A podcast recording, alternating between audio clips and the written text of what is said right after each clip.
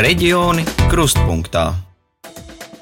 Ja ielūkojas pašvaldību mājaslapās, tad redzam, ka teju katrai ir kāda sadraudzības pilsēta ārpus Latvijas robežām, arī Ukrainā. Savstarpējie līgumi paredz arī sadarbības jomas. Lielākoties tā ir kultūras, turisma, izglītības un sporta joma, iekļaut arī uzņēmējdarbība. Krievijas agresija Ukrainā sadarbībai piešķīrusi pavisam citu jēgu un aspektu, atzīst gan Latvijas pašvaldības savienībā, gan uzrunātajās vietvarās.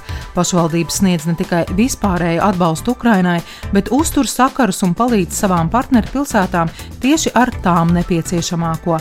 Mani sauc Ieva Benefelde, un šodien raidījumā noskaidrošu, kā karš ietekmējis Latvijas-Ukrainas sadraudzības pilsētu savstarpējās saites. Reģioni krustpunktā.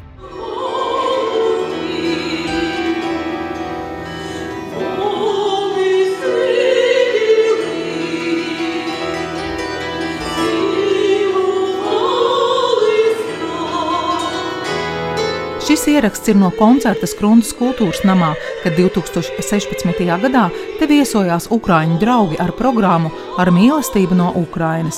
Gadu iepriekš Skrundas novada pašvaldība bija noslēgusi sadarbības līgumu ar Kosivu Ukrainā.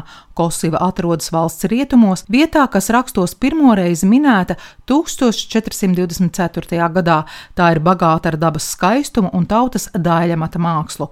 Atrast Skrundai līdzīgu partneru pilsētu palīdzēja fonds Posvit. Jau tāda Ukrāņu pārstāvji uzsvēra, ka sadarbība un draudzība ar citām pilsētām Eiropā ir nepieciešama, jo Krievijas agresija Ukrainā jau bija sākusies. Sadarbības līgumu tolaik parakstīja Skrundas novada domas priekšstādātāja Loreta Robežniece, kura šobrīd ir deputāte Kuldīgas novadā.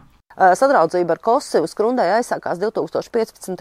gadā, kad Ukrāņu kultūras biedrība uz skrundu atveda Ļvivas operu.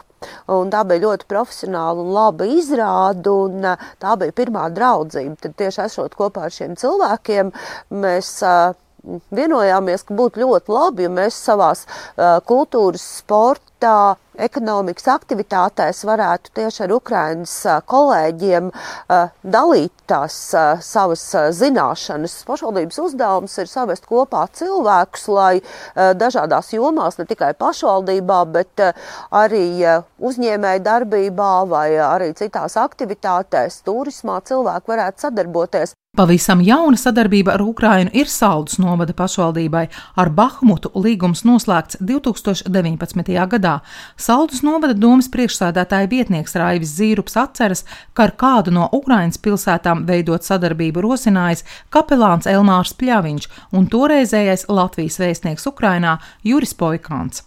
Bahmuts atrodas Luhanskas apgabalā, nu, tad kara darbība jau tur notiek nu, izsams, jau, nu, ļoti sen apakaļ. Nu, nu, zinām, ka bija tas 14. gadā jau tās sākums sākās. Jā, 18. gadā nokārtoja to, ka mēs devāmies uz šo te, nu, gan uz Doņetskas apgabalu, gan uz Luhanskas apgabalu, teiksim tā, ar domu, kad uh, dibināt kontaktus tādu no pašvaldībām, tā kā sadraudzības pilsētu, jo, nu, tā, tā, tā vīzija bija, ka viņam nu, arī vajadzīgs šī Eiropas tam, nu, teiksim, vai, vai, vai nu, sadarbība kā tāda, skatot, skatoties uz Eiropu. Un, un, un, un mēs bijām, apmeklējām divas pašvaldības, viena bija šī Bahmut, un tad jau devāmies šajā 19. gadā, tā bija otrā vizīte sakārtota, kurā devās jau es domu priekšādētājs, lai parakstītu šo tas vienīgo līgumu, vai, nu, tā kā sadarbības pilsētas. Pirmais mums bija Zooms, paredzēts par kaut kādām bērnu nometnēm, un tur vēl bija par rokdarbiem un visu pārējo. Un, un, un, bet, nu, tad jau tas lēnām iekustējās, vienu reizi sazinājāmies pie Zumā,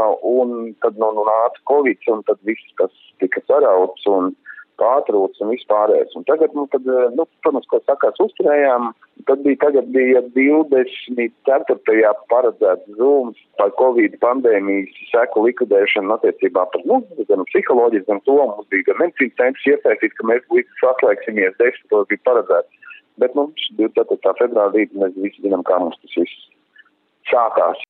Karš vienā mirklī pārakstīja partneru pilsētu sadarbības punktus, tā atzīst Latvijas pašvaldības savienībā un arī mūsu uzrunātajās vietvarās, kurām ir sadraudzības pilsētas Ukrainā, līdztekus tam, ka pašvaldības rūpējas par bēgļiem un sniedz vispārēju atbalstu Ukrainai, tās atbalsta arī savas sadraudzības pilsētas. Vietās, kurās šobrīd nenotiek aktīva kara darbība, galvenokārt nodrošina patvērumu bēgļiem, tā piemēram Skrundas sadraudzības pilsētā Kosivā mīt ne nepilni 10 tūkstoši iedzīvotāju, bet šobrīd reģistrēti jau vairāk nekā 4000 bēgļu, un tikpat daudz ir arī nereģistrētu, kas mīt pie cilvēkiem privāti. Par patvērumu cilvēkiem pārveidotas skolas, turisma bāzes. Pilsētas mērs Jurijs Ploskonos stāsta, ka Kosivai ir vairākas sadraudzības pilsētas ārzemēs un palīdz visas принципе, есть много частных iniciatīvu, volunteersku. Ir arī daudz privātu iniciatīvu, brīvprātīgu, kuras mums ļoti palīdz ar pirmās nepieciešamības precēm un ar pārtikas produktiem, kuriem pateicoties mēs bēgļiem varam nodrošināt cilvēka cienīgus apstākļus. Bez tā mums vēl ir arī tādi uzdevumi, kas attiecas uz mobilizāciju aizsardzībai, tas arī viss ir uz mūsu pleciem, un arī transporta resursu mobilizācija armijai. Tādi ļoti svarīgi uzdevumi mums ir kā jebkurā citā pilsētā un apdzīvotajā vietā, no kuru izpildes ir atkarīga mūsu valsts pastāvēšana nākotnē. Mums arī gribētos, ka tas viss beigtos ātri, bet spriežot pēc tā, kāda cilvēka sēž Maskavā, mums ir jāgatavojas sliktākajam. Labāk būt gatavam sliktākajam. Kosivas mēra Jurija Ploskunasa teikto papildina viņa pirmais vietnieks Sviatoslavs Kostiņuks. Как говорится, Украина не была готова Ukraina nebija gatava tik apjomīgam karam. Mums nepietiek karavīra apģērba, nepietiek īpaši līdzekļu šai karošanai, jo kas bija Ukrainas teritorijā, viss jau ir izpirkts, viss ir frontē. Tagad mēs, piedodiet par vārdu velkam, visu no kurienes vien varam - no Amerikas Savienotajām valstīm, no Lielbritānijas, no Eiropas. Ļoti grūti visu sadabūt, un tas mums ir ļoti vajadzīgs.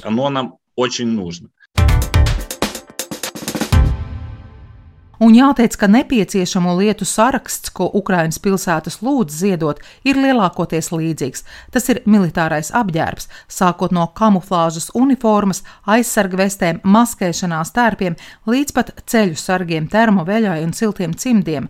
Tāpat arī ietilpīgas mugursomas, profesionālus binokļus, taktiskos kompasus, nakts termovizierus, izturīgus termosus, arī rācijas, planšetes ar navigāciju, portatīvos lādētājus un dažādas medicīniskās preces. Pašvaldībās ir atvērtas šo preču ziedošanas vietas, ziedo gan iedzīvotāji, gan uzņēmēji.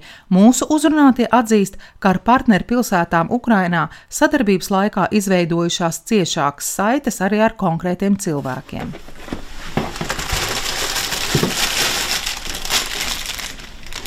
Te ir šlices un, un, un, un sistēma.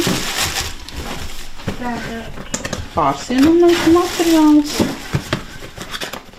Tā, piemēram, skrundiniece Gunta Stepanova no uzņēmuma Cepliņa uzticējusi aptiekai par konkrētu summu sakomplektēt medikamentu kasti, kas nonāks Kosivā.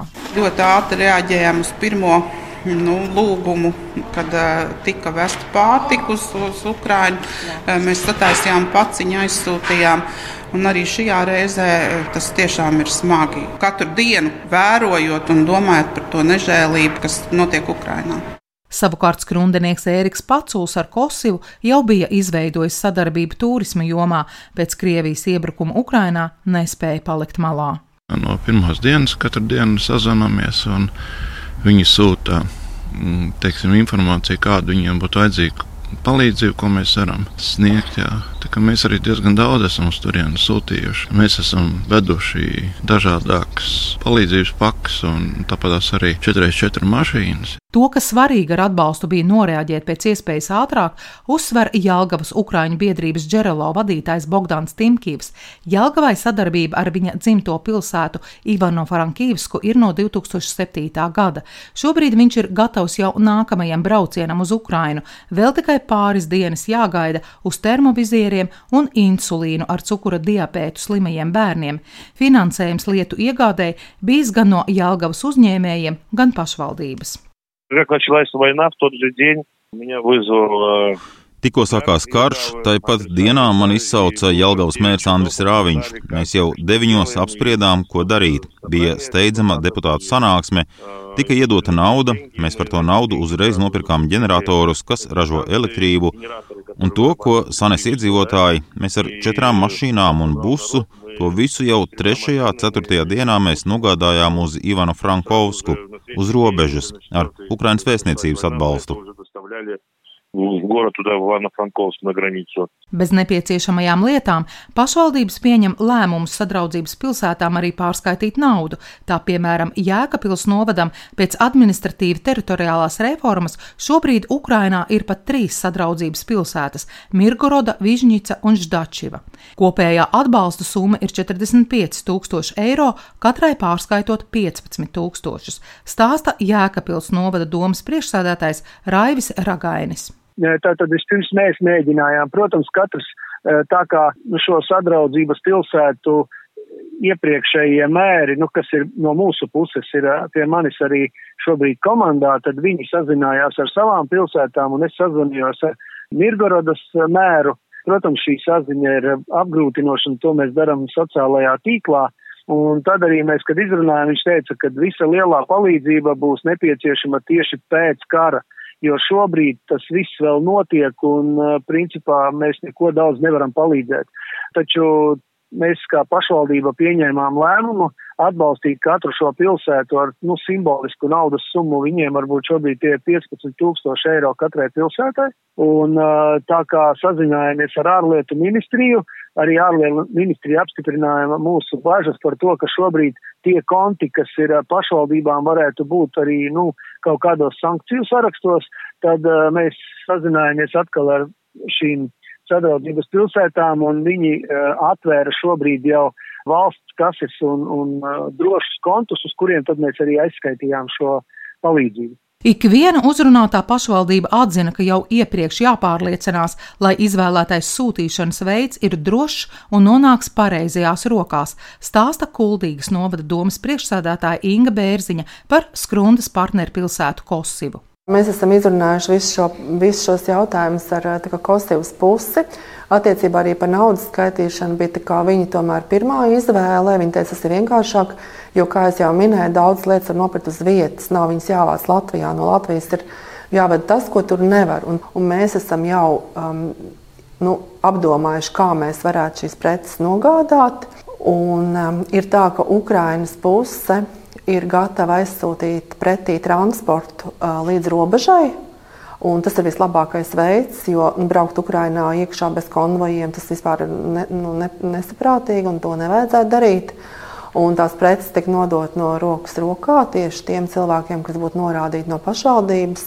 Tas nozīmē, ka mums šis transports būtu jāsaorganizē līdz Ukraiņas robežai.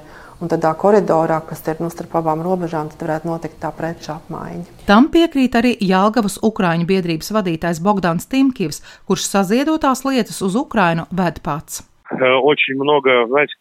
Kad ir karš, tad notiek daudz pārpratumi. Bieži gadās, ka sūtījums nenonāk līdz adresātam. Es kā pēc tautības Ukrainis, bet esmu Latvijas pilsonis. Es jūtu līdzi savai valstī. Uztraucos arī par kravu, lai tā nonāktu līdz adresātam. Mēs veidojam sarakstus, tos pārbaudām, parakstām. Tāpat šos sarakstus, kad nododam, paraksta šie cilvēki. Es viņus pazīstu personīgi. Zinu, ka viņi ir uzticami cilvēki.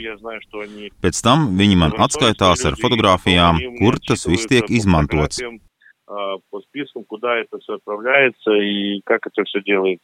Bogdāns Timkivs mūsu sarunas noslēgumā uzsver, ka nebija gaidījis tik lielu Latvijas cilvēku atbalstu un saliedētību ar Ukrainu. Viņš lūdz nodot satikto Ukraiņu teikto: Mēs jūs neaizmirsīsim. Latvija ir kā mūsu otra dzimtā zeme. Arī uzrunātās pašvaldības atzīst, ka ar savām partneru pilsētām Ukrainā sazinās vismaz reizi nedēļā. Tas ir daudz biežāk nekā miera laikos, un draudzība veidojas daudz dziļāka. Raidījums veidots RTV un Skrundas TV pēc Latvijas Rādio 1 pasūtījuma. Raidījumu veidoja Ieva Benefelde, tā tapšanā pateicamies par sadarbību arī Alanam Pērševicam. Jau pēc nedēļas raidījumā Reģiona krustpunktā mūsu kolēģi no Vidzemes stāstīs, kā kļūt par saules enerģijas mairažotāju. Reģioni krustpunktā.